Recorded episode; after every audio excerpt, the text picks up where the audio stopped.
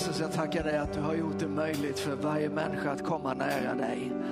Oavsett hur långt borta vi är, vad som skiljer oss från dig, så finns det ingenting som förmår att på riktigt hålla oss borta från dig om vi vill komma till dig. Vi tackar dig här att du har kommit till oss. Du gjorde det, du kom till den här jorden. Du led och dog på korset, du uppstod igen ifrån de döda. Och därför Jesus har du öppnat en väg ända in i himmelen. Tillgänglig för varje människa som vill öppna sitt hjärta för dig Herre.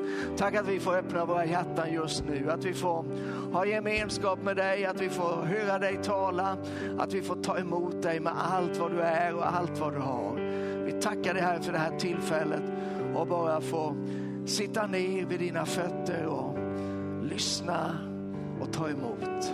Och vi vill göra det i Jesu namn. I Jesu namn. Halleluja. Tack Jesus. Amen. Halleluja. Innan du sätter dig ner kan du inte bara vända dig om till någon och säga att han som står där framme, han tycker det är väldigt kul att du är här idag. Halleluja. Du som sitter där hemma. Ja, jag tycker det är väldigt kul att du sitter där hemma, men eh, du ska veta det är alltid bäst här. Sen är det näst bäst är ju att vara med där hemma givetvis. Men du är minst lika välkommen, underbart och ser allesammans. Det är ett helt gäng här som har kommit hit från Torpa idag. Det gör mig extra bara mm, lycklig och glad. Varmt välkomna. Uh, det här är första gången jag står här det här året så det är liksom jag har saker att säga om man säger så. Men jag ska försöka behärska mig. Men, men eh, jag vill beröra lite, tre olika saker. Först vill jag säga helt kort, Jörgen kommer att nämna lite grann om det på slutet, att vi, vi börjar ju imorgon eh, ett antal böneveckor och eh, vi har samlingar här i kyrkan tisdag, onsdag, torsdag kvällar klockan 19. Eh, men jag skulle bara vilja uppmuntra dig, eh, inte bara att komma till kyrkan och vara med. Som sagt var det alltid bäst på plats. Och dessutom så kommer inte bönesamlingarna att vara online då.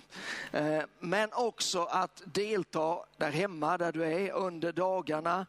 Att bara Eh, ge lite extra uppmärksamhet till Gud under de här, åtminstone tre veckor ska vi hålla på. Och så skulle jag vilja uppmuntra dig att vara med och fasta.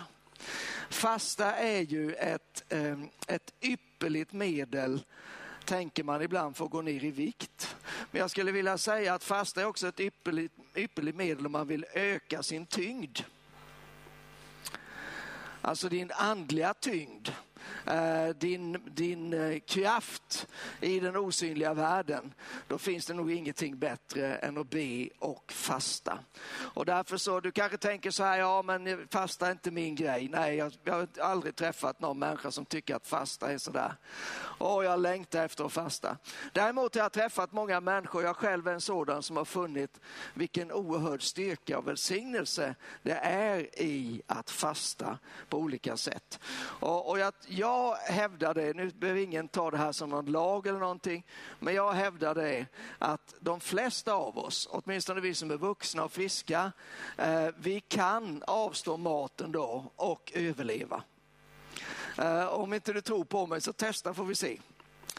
Eh, men det finns ju andra saker man kan med fördel också fasta ifrån. En sådan som, som man särskilt vill lyfta den här tiden det är ju alla sociala medier och kanske medier överhuvudtaget. Eh, och det kan vi alla göra faktiskt.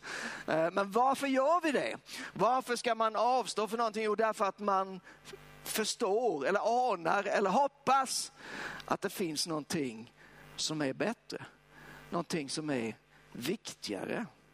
Och då kan det vara värt att avstå någonting som man kanske till och med värderar. Jag värderar mat. Mycket. Men jag tänker att det i alla fall kan vara värt att avstå det för en tid. Så bara ta emot det som en, en uppmuntran. Eh, när vi nu går in i en bön och fasteperiod så kallar vi det just bön och fasteperiod. Så att det är det. Nu är det ju eh, väldigt mycket nytt år fortfarande. Gott, god fortsättning får jag säga förresten. Eh, hoppas ni har haft det bra i eh, helgerna. Eh, och eh, det hör ju den här tiden till eh, att man gör tillbakablickar. Kanske har du sett någon nyårskrönika eller läst någon nyårskrönika. Och det handlar förstås eh, mestadels om ledsamma grejer, brukar det göra. Men jag tror när det, när det kommer till Gud så, så säger han eh, absolut att det är okej okay att se bakåt, men han säger också, tänk inte mer på det som har varit. Se, jag gör någonting nytt. Eh, Gud är en Gud som är på väg framåt. Han, han blickar framåt. Han säger saker om framtiden för att sen kunna göra dem. Och då tänker jag, det kan väl vi också göra. Gud har ju ändå satt oss här på den här jorden. Han säger till sin församling i Matteus 16, jag har gett er eh, himmelrikets lycklar. Den ni löser, det ska vara löst och den ni binder, det ska vara bundet. Och då skulle jag vilja sätta två rubriker över det här året. Vi ska börja där. Eh, och ehm, det är inga domedagsrubriker så du behöver inte vara orolig men du ska, du ska få dem här bredvid mig, bakom mig. Om tekniken funkar. Och den första skulle kommit där men det gjorde den inte. Skärmen har antagligen gått och lagt sig. Och nu kommer Morgan Freeman att komma fram där om inte jag skyndar mig.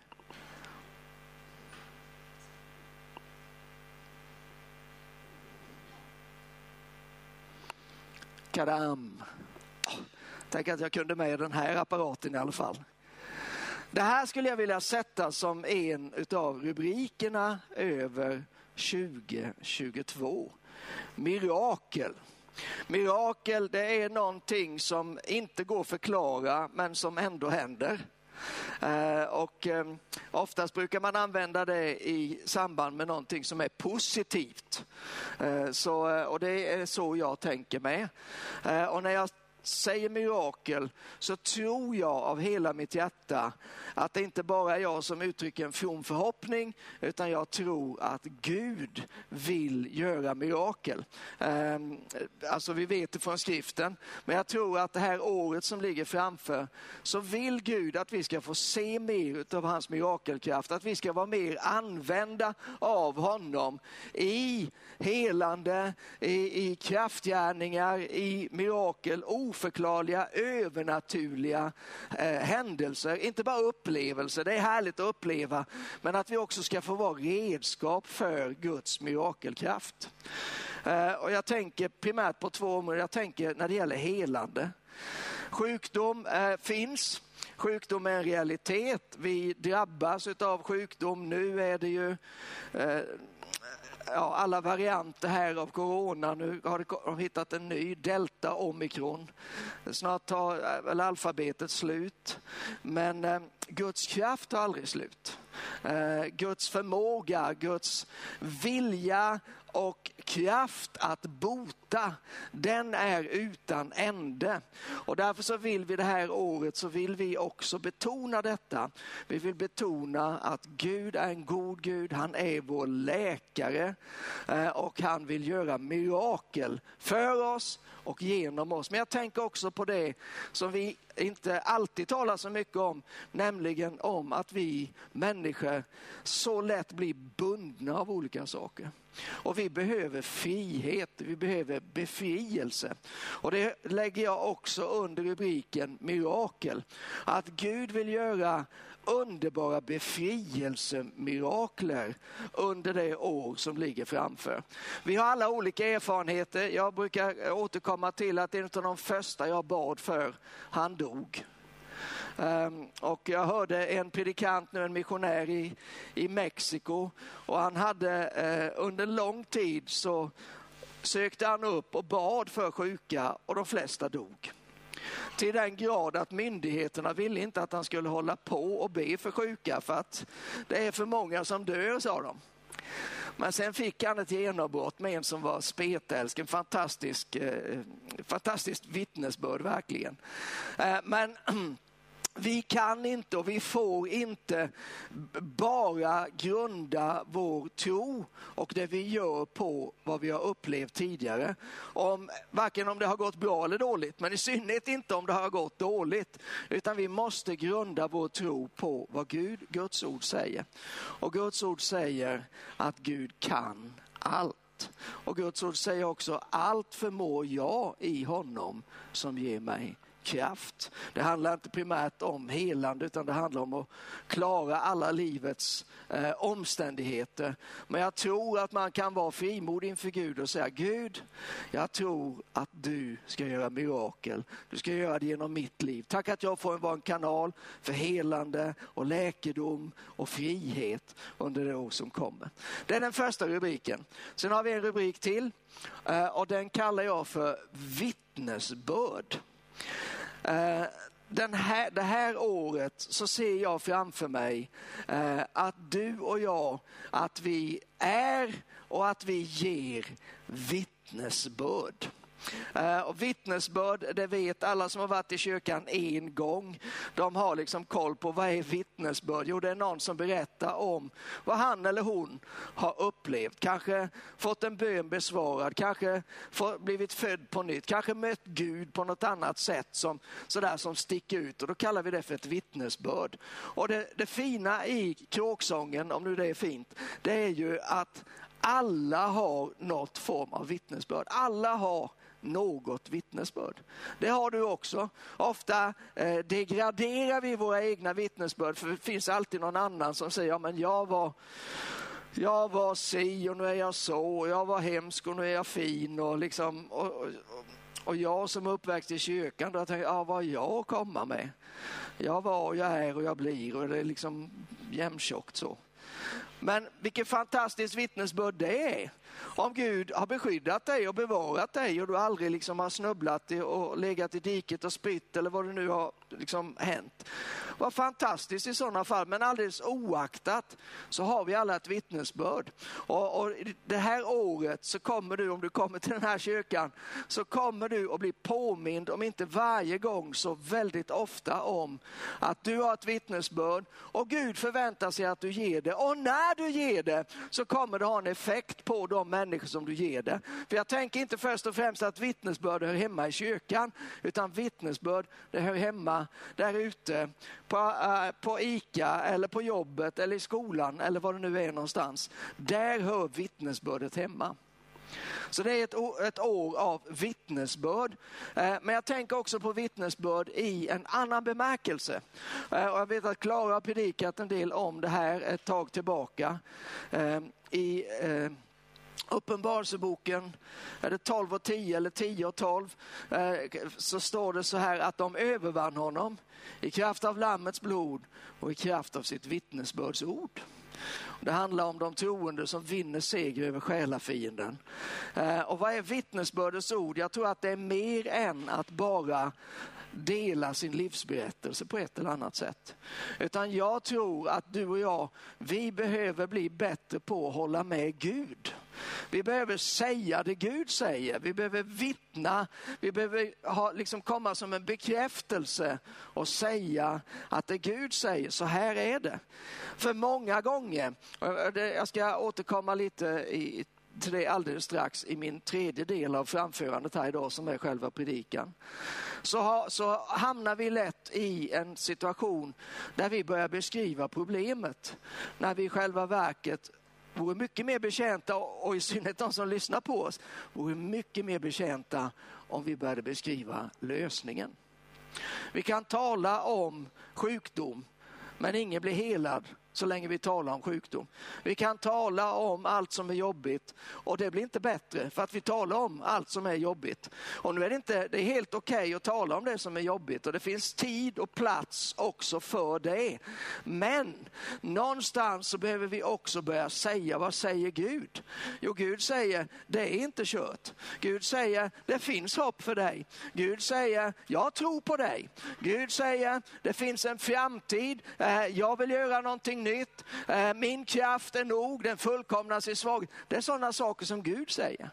Gud säger att det finns hälsa och läkedom. Det finns seger över corona och covid och delta, omikron och hela balletten. Det finns en seger. Och någonstans behöver vi börja vittna tillsammans med Gud om detta. Och det här vill jag ska sitta som någon slags baner tänkte vi på när, när jag fick hjälp av Klara att göra de här fina illustrationerna. Att ska sitta som en rubrik över 2022. Mirakel och vittnesbörd. Glöm inte detta. Men nu ska vi ta en, en, liten, en liten utveckling. Jag hoppas det inte blir en inveckling, utan att det blir en utveckling på detta eh, sista. Och då eh, så ska jag säga så här. Ta emot eller stå emot. Det är någonting som på samma gång känns självklart. Det vet väl alla att det finns saker man ska ta emot och så finns det saker som, saker som man ska stå emot. Men ändå finner jag i min egen situation och ibland ser jag också dig att vi gör precis tvärtom. Vi står emot det som vi borde ta emot och vi tar emot det som vi borde stå emot. Och då måste det bli ordning på torpet här. Så därför tänkte jag att eh, vi ska bara hänge oss åt det här en liten stund och fundera kring det här med att ta emot och att stå emot. Och vi ska börja med några bibelord. Och eh, har du en bibel till handa så, så kan du gärna slå upp och följa med. Och annars så lyssnar du med båda öronen. Det gör du väl ändå förhoppningsvis. Vi ska börja i andra Korinthierbrevet. Nu, eh, eftersom jag bara har den här lilla skärmen så, så kunde jag inte lägga upp alla bibelorden så du får liksom fokusera lite extra. Men man kan säga enkelt förstås så här. Det som vi ska ta emot, ja det är det som kommer från Gud. Det som vi ska stå emot, det är det som kommer från djävulen. Så långt är det ganska klart, eller hur? Därför att vi vet att Gud är en god Gud och djävulen är en, en ond djävul. Och vi vill inte ha onda saker i våra liv, vi vill ha bra saker. Alltså tar vi emot det som kommer från Gud och står emot det som kommer från djävulen. Problemet är ju då att djävulen är en listig typ. Eh, så att det är därför som vi ändå behöver fundera kring det här och titta på det och tala lite grann om det. Och det står så här i Andra Korinthierbrevet 2 och 11. För att vi inte ska bli överlistade av Satan. Hans avsikter känner vi till. Eh, när Paulus talar om det här så talar han om det i samband med förlåtelse, vilket är en, en sån där absolut klassisk grej som vi behöver påminna oss om hela tiden. Därför att vi får stryk av andra, vi, eh, vi eh, blir illa behandlade, vi blir sårade och så vidare. Eh, och vi har hela tiden ett behov faktiskt av att förlåta. Eller ja, att förlåta, precis. Eh, och om vi inte gör det, då kan vi bli överlistade av Satan. Men det jag tänkte bara fästa din uppmärksamhet på här, det är ordet överlista. Eh, därför att det betyder att han går listigt tillväga. Det betyder att han försöker att lura dig och mig och faktiskt lyckas ibland. Skam till sägandes, men så är det. Han lyckas med mig och kanske lyckas han med dig någon gång ibland med. Eh, men Hans avsikter känner vi till, säger Paulus här. Och hur kan vi veta om hans avsikter? Ja, vi behöver förstås se vad lär oss Bibeln om de goda och de onda krafterna i tillvaron. Och då ser vi om vi läser i Bibeln att djävulen han vill bara ont. Jesus säger i Johannes 10 och 10, jag kommer återkomma till den versen, eh, tjuven kommer bara för att stjäla, slakta och döda. Jag har kommit, säger Jesus, för att ni ska ha liv och ha det i överflöd. Och där finns en, en väldigt tydlig skillnad. Det finns områden i livet, ganska många, där det är svårt att hävda att allt är svart eller vitt. Men när det kommer till Gud och fienden så behöver vi med eftertryck hävda just detta. Att Gud är bara god och fienden är bara ond. Hans avsikter känner vi till. Om vi bläddrar fram till det elfte kapitlet i Andra Korinthierbrevet så står det så här i den fjortonde versen, äh, Andra kor 11 och 4. En liten bit in i versen. Satan själv förklär sig till en ljusets ängel. Här är hans listiga angrepp. Här är sättet som han försöker att komma in. Eh, han, jag menar, en, ska jag säga det? En frestelse måste ju vara frestande. Annars frestar det ju ingen, eller hur? Det måste finnas någonting som lockar, som triggar någonting i oss. Annars är det ju meningslöst för honom att hålla på. Och det är just där som han har sin styrka. Han appellerar till någonting i oss som får oss att gå på det och falla och kanske falla igen och falla tusen gånger. Fast vi vet att det är djävulen, fast vi vet att inte det är bra, fast vi vet att vi inte borde. Så faller vi i alla fall. Därför att han är en listig typ. Han förklär sig till ljusets ängel. Men vi måste komma ihåg att det är alltid Guds sätt som gäller. Guds väg, det är aldrig din och min väg.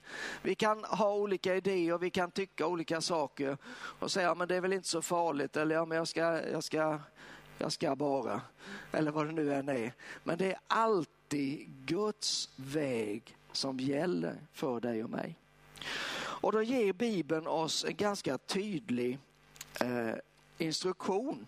Dels hittar vi det i Jakobs, vi tittar först i första Petrus brev, förlåt, första Petrus brev, det femte kapitlet.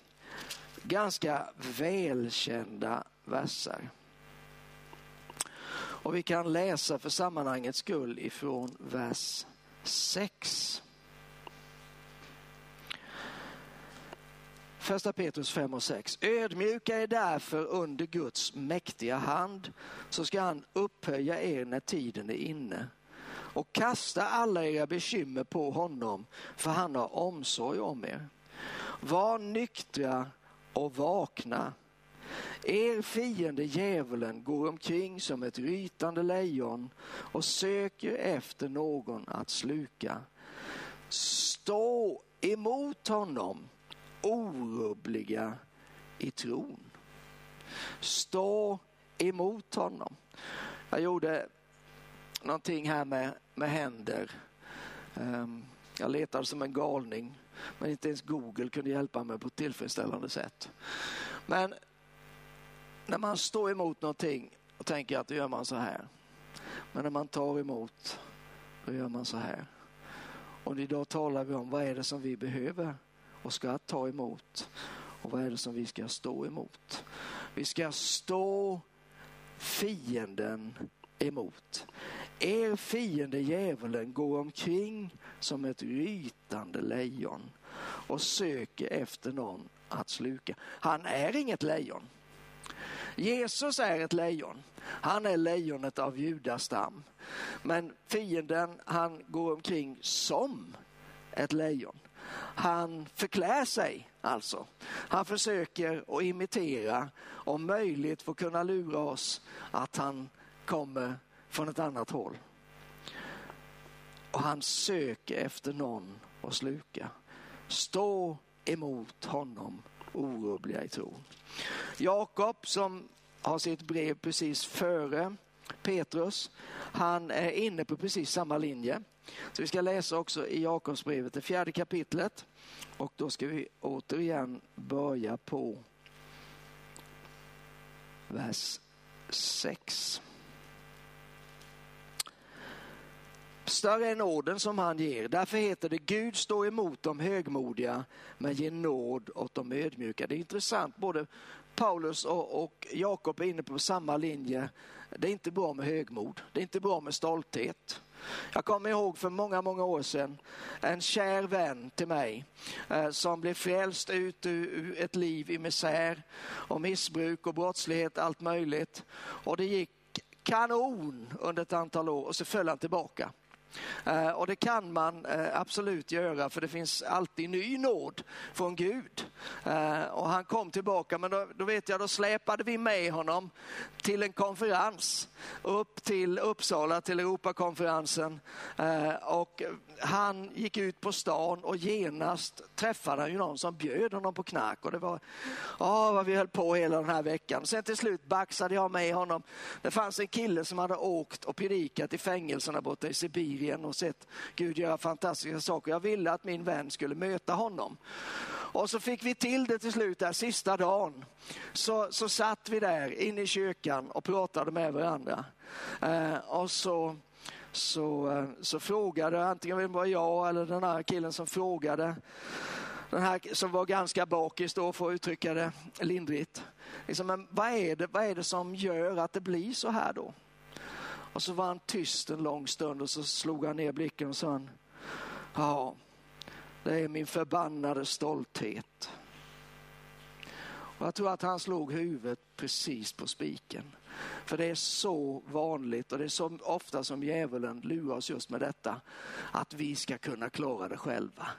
På något sätt så ska vi, jag ska ta mig i kragen och jag ska oh, min sann visa. Och, och, men vad är det? Det är, det är ett motiv som inte eh, behaga Gud. Utan han säger det är mycket bättre att ödmjuka sig. Gud står emot de tänk, tänk, tänk att ha Gud emot sig. Det är ingen önskesitt kan man säga, eller hur? Gud står emot de högmodiga men ger nåd åt de ödmjuka. Och därför säger Jakob så här, vers 7. Underordna er därför Gud, stå emot djävulen så ska han fly från er. Närma er Gud så ska han närma sig er. Här har du igen vad vi ska ta emot och stå emot.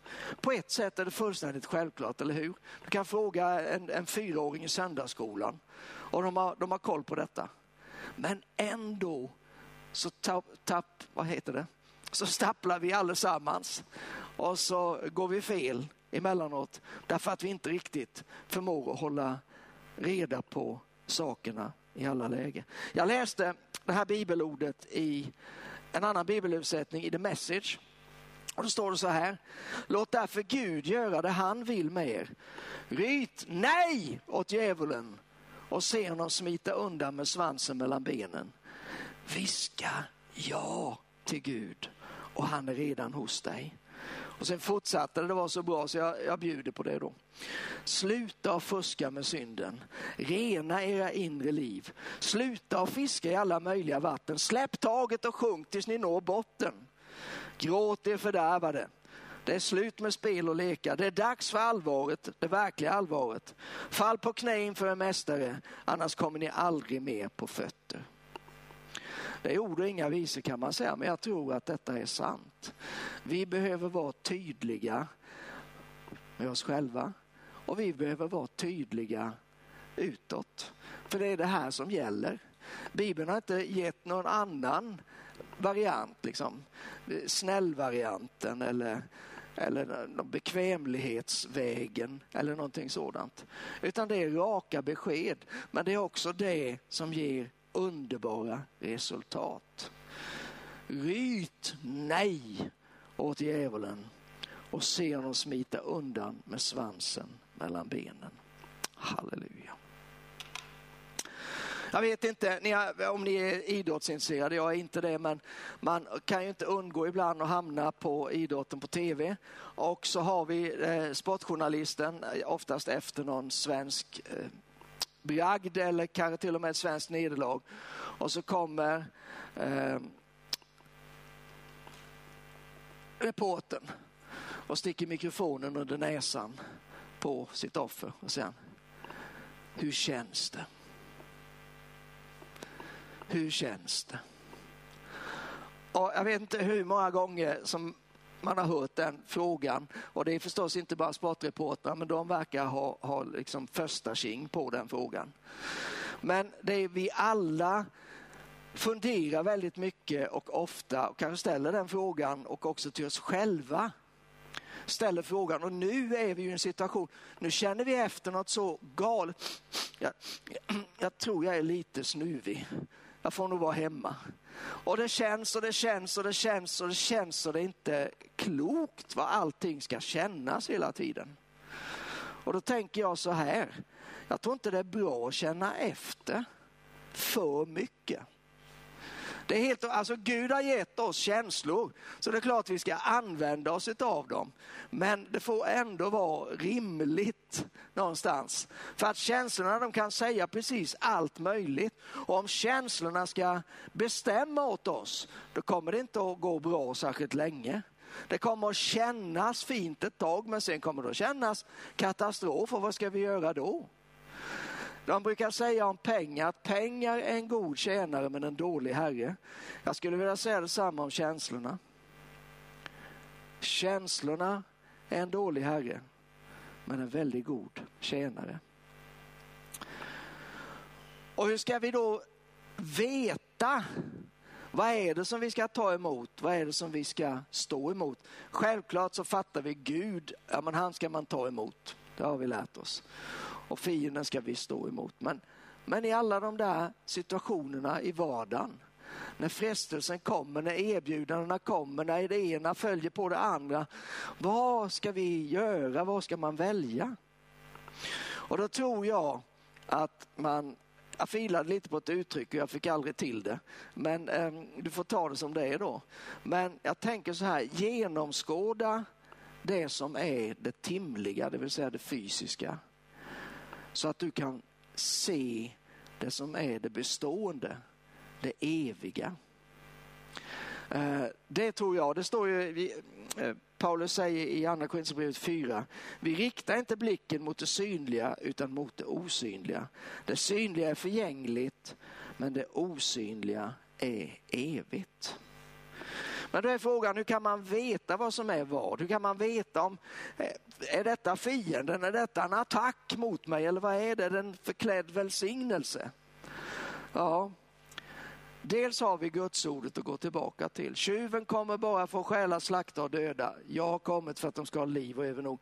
Det, det bibelordet har hjälpt mig många gånger när jag har ställt mig den frågan. Men vi har också, gudskelov, och, och utifrån det kan jag ska säga, jag har en bild på det med, så det måste vi ta.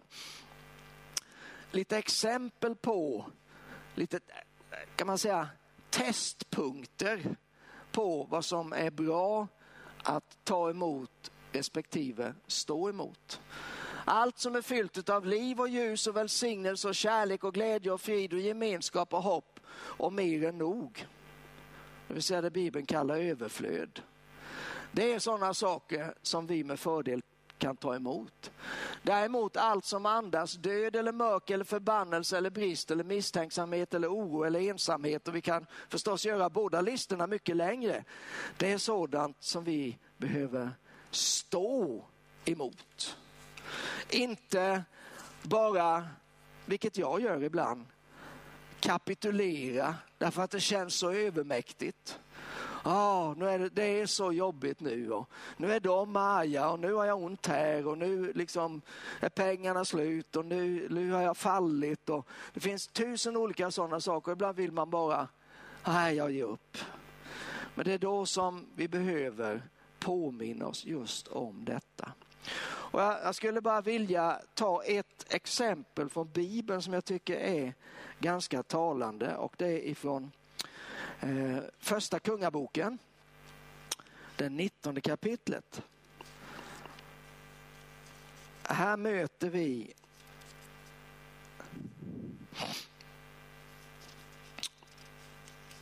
ska se här.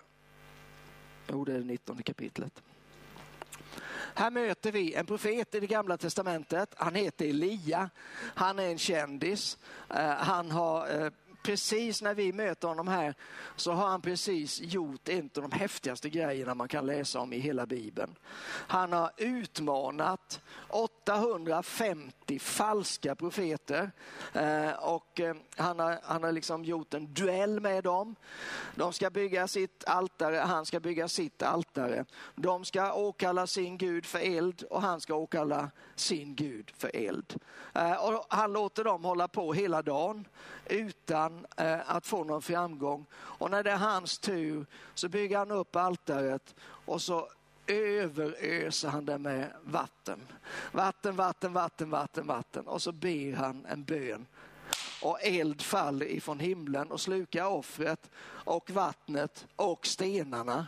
Jag har varit där på, på det där berget eh, och eh, det, eh, där finns stenar som ser Eh, svedda ut fortfarande och, vetenskapen säger att de har, de har utsatts för en, en så hög temperatur att det inte liksom är möjligt egentligen på, det ser ut som de har gjort det, så inte, som inte är möjligt på den här jorden.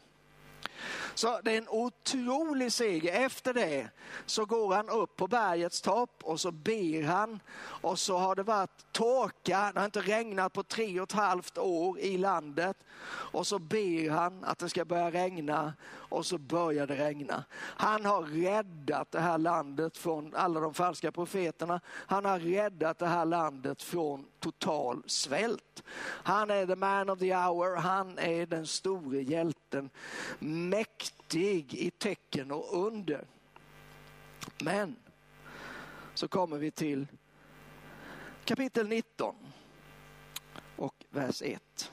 Ahab som var kung vid den här tiden och som hade varit med där uppe på, på berget, Karmel hette ju det, eh, så, eh, och sett alltihop detta. Han kommer hem och så berättar han för sin fru Isabel. Så Ahab berättade för Isabel allt som Elia hade gjort och att han hade dödat alla profeterna med svärd.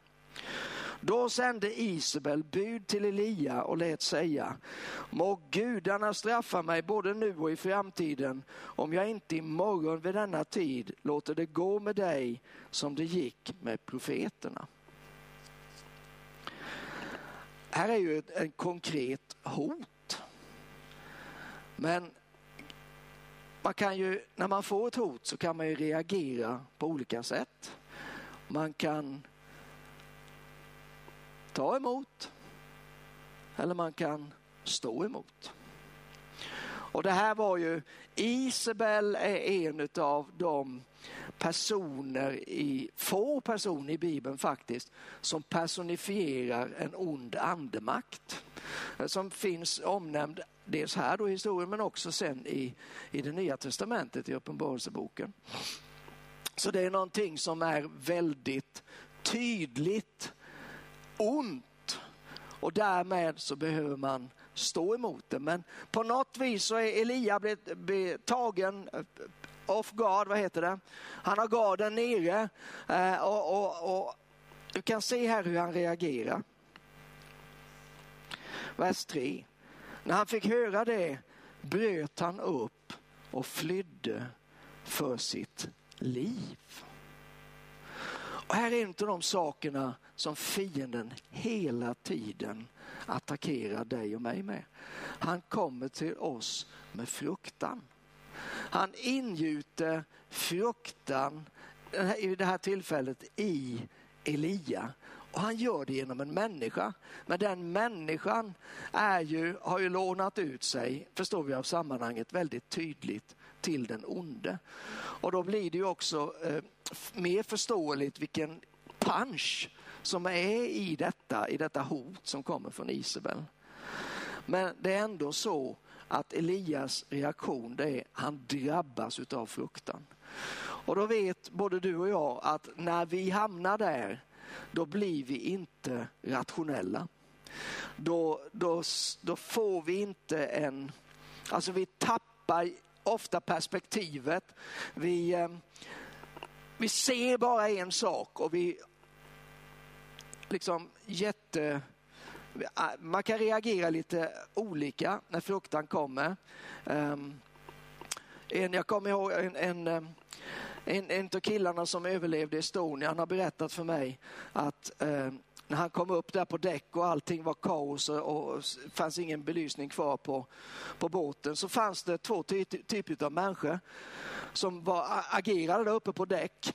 Och eh, en del de var liksom, åh vad är livbåtarna, fram med liv, flytvästarna och, och, så här då väldigt aktiva och tänkte konstruktivt. Medan andra, alltså, sa han, stora vuxna män, de kröp ihop i hörnen och bara höll armarna över huvudet och bara gnydde. Och det finns olika sätt som vi reagerar när fruktan drabbar oss. Elia, han reagerade genom att fly. Det är en ganska vanlig sätt att agera när fruktan kommer. Men jag skulle vilja säga alltid när fruktan kommer så kommer den därför att på ett eller annat sätt är vår fiende involverad i det. Gud inger inte fruktan Eh, eller ger oss inte fruktan. Eh, vi ska frukta honom, säger Bibeln många gånger, men det är en helt annan sak. Det handlar om att ha respekt och förståelse för vem han är, hur stor han är, vilken makt som finns hos honom. Men han kommer aldrig att slå oss med fruktan. Det är alltid fienden som kommer med fruktan. Om du upplever fruktan för den här situationen som är nu, för det är många människor som gör och det är inte alls konstigt att göra det. Jag tänker på corona och smittor och och, och allt det här som vi har brottats med nu i snart två år. Men fruktan som sådan, den kommer alltid ifrån fienden. Vi fortsätter och läser bara lite grann till om Elia. Eh, när han fick höra det bröt han upp och flydde för sitt liv. Han kom till Beersheba i Juda och lämnade där sin tjänare. Det här är en annan favorit trick ifrån fienden. När han kommer emot oss så vill han göra oss ensamma. Han isolerar oss. Eh, ja, vi läste innan att fienden går omkring som ett rytande lejon, försöker vem man må sluka. Och då vi, vi alla tittar på naturfilmerna på tv, då vet vi hur lejonen jagar. De tittar på någon som kommer lite vid sidan av flocken, någon som kanske är lite sårad eller haltar lite eller kan komma lite efter eller någon som bara har gått vilse i största allmänhet. Den siktar de in sig på. Och precis så gör fienden. Han vill skilja dig ifrån flocken. Han vill få bort dig. Och, men han gör det ju inte så liksom rent fysiskt. Utan han, han, kan, han kan ju komma och viska saker som att ja, men de, de, fatt, de förstår sig inte på dig. Eller de tycker inte om dig. Det är ju inte hans, vi ska återkomma till det. Du är inget, du är inget värd. De tycker inte att du är någonting värd. Eller också så de förstår inte hur bra du är. Det kan ju slå åt, åt båda hållen givetvis. Då, va? Men syftet är alltid att vi ska bli isolerade. Och så många gånger har jag sett det. Och jag kan gå till mitt eget liv, men jag har också erfarenhet ifrån att ha varit pastor i ganska många år nu. Att när vi som mest behöver hjälp så är det någon reaktion inom oss som gör att vi drar oss tillbaka. Vi håller, nej jag ska och, och, man, liksom bara, man bara zonar ut, eller vad var det du använde för uttryck Ellen? Det är svårt att hänga med alla nyord. Alltså man, bara, man bara drar sig undan. Fast egentligen borde jag dra mig närmre. Man, man tar emot det jobbiga fast man borde stå emot det. Och när man gör det, ja men då står man emot Gud när man borde ta emot Gud, eller hur? Alltså det blir, det blir helt upp och nervända världen. Men det är så fienden arbetar, det är så han försöker få oss att falla. Och så, och så drar man sig undan, man kan dra sig undan sin fru för att hon fattar ju ingenting. Eller man drar sig undan församlingen för de är bara en gäng med hycklare allihop. Eller man, man drar sig undan någonting, vad det nu än är. Men när man gör det så är det nästan alltid så att det är fienden som håller på någonstans i kulisserna med sitt bedrägliga och listiga spel. Och då behöver man avslöja detta så att man vet vad man ska ta emot. Man vet vad man ska stå emot. Vi följer med Elia en liten bit till. Jag läser vers 3 igen, för, för, bara för påminnelsens skull. När han fick höra det bröt han upp och flydde för sitt liv. Får jag bara lägga till en sak där. Det var ju inte så att Isabel kom med en kniv i näven och sa nu ska du dö din usling. Det var ju inte så att hon skickade dit armén. Utan det var bara ett ord. Alltså, ett ord ifrån fienden kan ju ha en enorm kraft.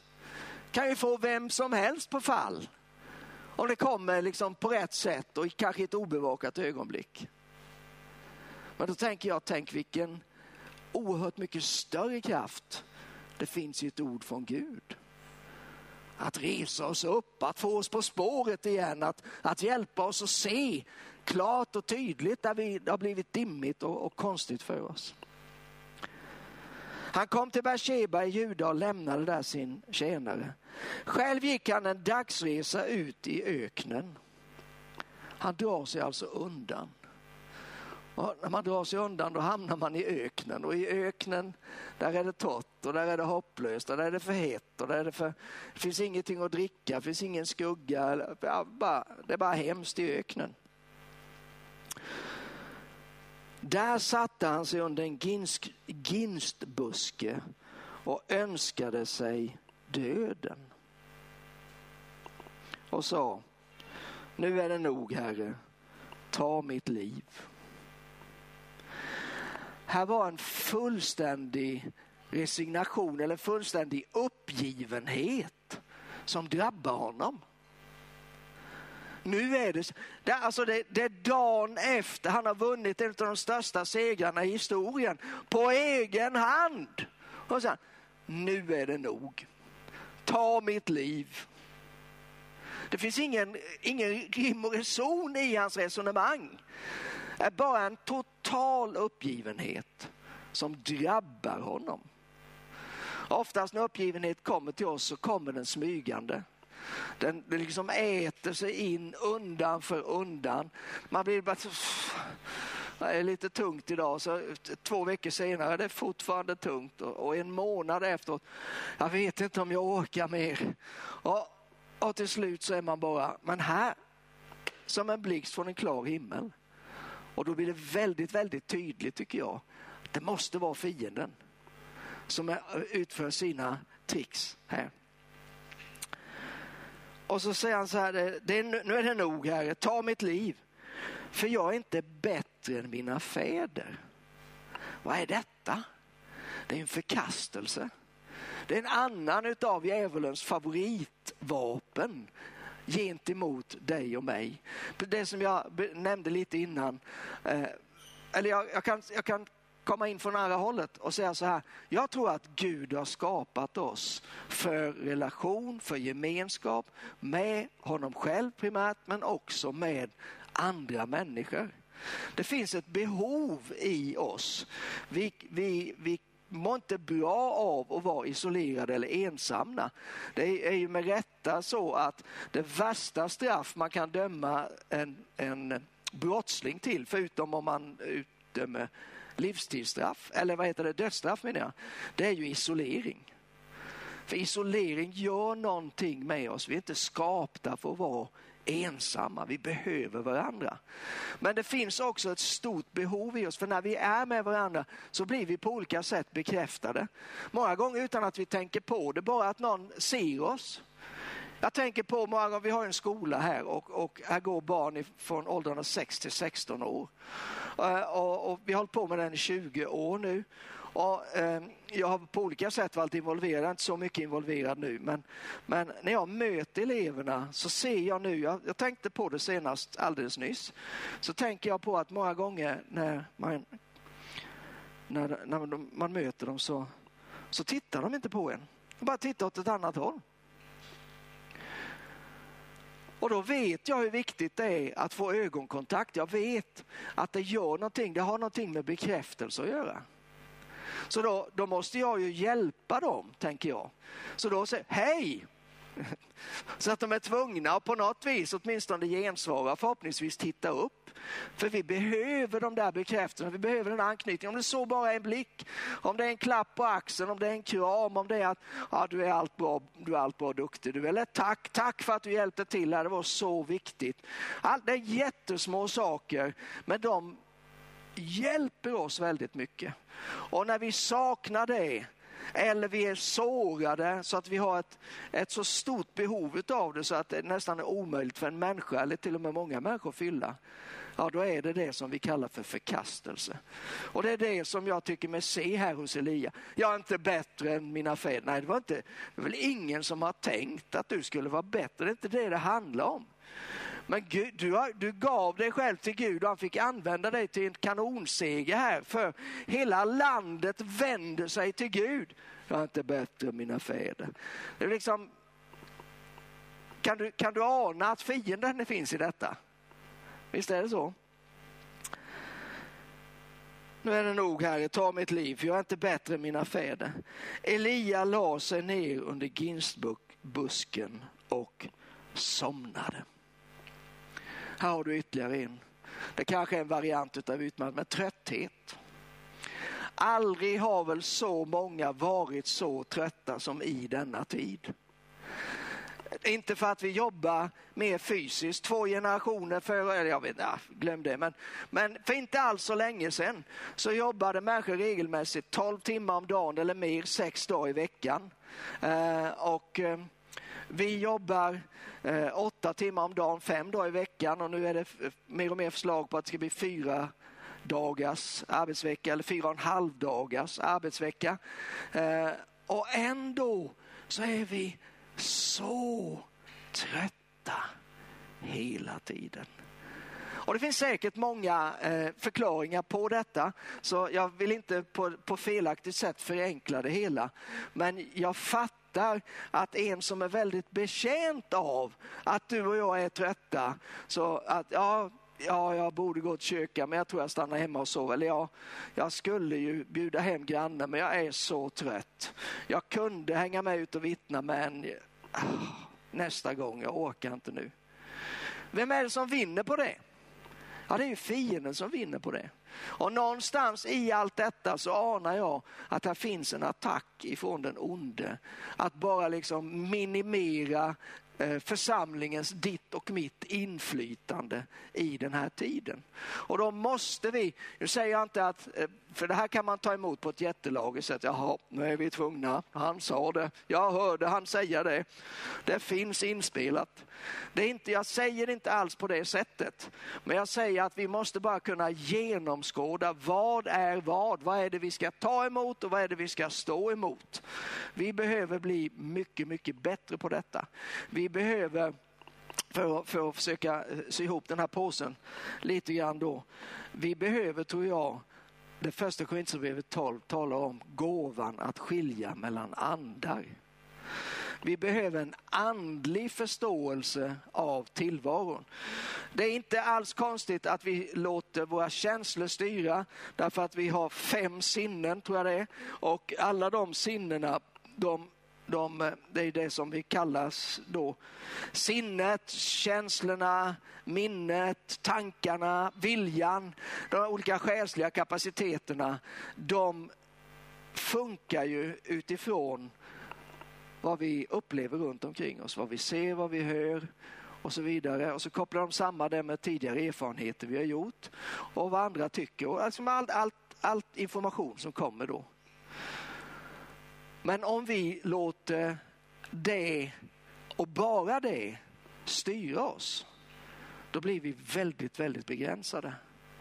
Om vi ska ha ett år av mirakel, då behöver Gud få bli obegränsad i och genom oss. Och då behöver vi eh, få en klarsyn. Vi behöver den heliga andes hjälp att förstå oss på tillvaron. När ska vi gå och lägga oss? För det finns tillfällen då vi ska gå och lägga oss. När ska vi inte gå och lägga oss? När ska vi ta emot och omfamna det som kommer emot och när ska vi stå emot det med allt vad vi har. Vi behöver en andlig urskiljning. Och det är någonting som jag, jag tror att vi, som sagt var, vi behöver påminna oss om detta. Det finns en bild till så det var inte så fantasirikt för det är precis samma sak som vi redan har tittat på. Men eftersom jag gjorde den med så. Vad är det som vi ska ta emot? Vad är det som vi ska stå emot? Ska vi be tillsammans? Fader i himmelen, jag tackar dig för att vi inte står här på egen hand. Även om det känns så, Herre. Även om vi så lätt glömmer bort att du finns, att du har all makt både i himlen och på jorden. Att du är på vår sida, att du har vunnit seger. Så tackar vi dig Herre att vi den här dagen igen får påminna oss om att du är en verklighet, att hela den andliga tillvaron finns faktiskt på riktigt och att det går att ta emot Herre det som är gott men det går också att stå emot det som inte är gott. Och vi vill bara be Herre, för vi vet vår egen begränsning, vi vet alla våra tillkortakommanden, vi har alla våra erfarenheter. Vi, vi vet hur vi har fallit, vi vet hur vi har ställt till det Herre, både för oss själv, själva och för andra. Så Herre, vi, vi vill luta oss starkt mot dig just nu Herre. Vi vill be om din hjälp. Vi vill bara förlösa en nåd i Jesu Kristi namn över våra liv. Att, att kunna se, att kunna förstå, att kunna agera i enlighet med en, en andlig förståelse av vad det innebär att leva i den här tiden. För du har inte kallat oss här att överleva. Vi vet ifrån ditt ord att vi har fått förmågan att övervinna vinna. Och Herre, nu vill vi, vi vill bara kliva åt detta hållet. Vi vill bara ta steg i rätt riktning, Herre. Att inte vi eh, låter fruktan styra oss, att inte vi låter förkastelsen eller isoleringen drabba oss, Herre. Vi vet att du älskar oss. Vi är benådade. Vi är, vi är eh, dina barn, Herre. Du älskar oss så mycket att du sände Jesus och dö för oss. Så vi tackar dig, Herre, att förkastelsen ska bli avslöjad att den ska inte få ha något grepp i våra liv längre. Och vi tackar dig här att vi ska kunna genomskåda det som vill isolera oss från varandra. Missförstånd, förflugna ord här eller bara knepiga tankar som kommer vår väg. Hjälp oss Herre så vi kan avslöja allt sådant och hjälp oss Herre också så att vi inte dukar under i trötthet och uppgivenhet utan att vi kan resa oss upp i din kraft Herre. I din kraft, vi har anspråk på din kraft den här dagen. Vi tackar dig för din kraft Herre. Din kraft Herre. Vi prisar och lovar dig för det. Halleluja. Tack Jesus. Tack Jesus. Halleluja. Tack Jesus. Ska vi stå upp tillsammans? Halleluja. Om du vill så får du vara med mig i en, eh, i en liten bekännelse. Eh, Det är ju så, eh, som jag sa inledningsvis, att det är väldigt bra att säga samma sak som Gud säger. Att liksom hålla med honom. Det finns en princip som nämns om på ett par ställen i Bibeln, både i gamla och nya testamentet, att två eller tre vittnesbörd avgör varje sak. Och det är ju, alltså det är ju juridiskt också relevant att tänka att om, eh, om jag har gjort bort mig och säga nej, det var inte jag. Men så kommer först min fru som, eh, som har koll på mig då och säger jo, oh, det var faktiskt du. Ja, men då är det ord mot ord. Men så kommer Jörgen fram och säger du P.O. jag såg att du gjorde faktiskt det. Ja, men då är det avgjort. Det är två. Och då kan vi, endera så alltså kan vi hålla med omständigheterna. Vi kan hålla med fienden djupast sett eh, och säga det han säger. Eller också så kan vi hålla med Gud. Och när vi gör det, ja, då, då verkar hans kraft väldigt starkt för oss och genom oss. Så därför så, så, om du vill vara med så får du bara säga efter mig. Eh, så får vi se var det här tar vägen. Eh, tack Jesus. Tack för ditt ord. Tack att det är sant. Tack att jag har fått ditt ord. Jag håller fast vid det. Det är min lykta på stigen. Det är ett ljus för mina fötter. Hjälp mig Herre. Att jag kan fortsätta hålla fast. Och att jag också kan fortsätta att tala. Säga det du säger. Vittna tillsammans med dig. Jag tackar dig Jesus att du har satt mig här. Inte för att överleva, men för att övervinna.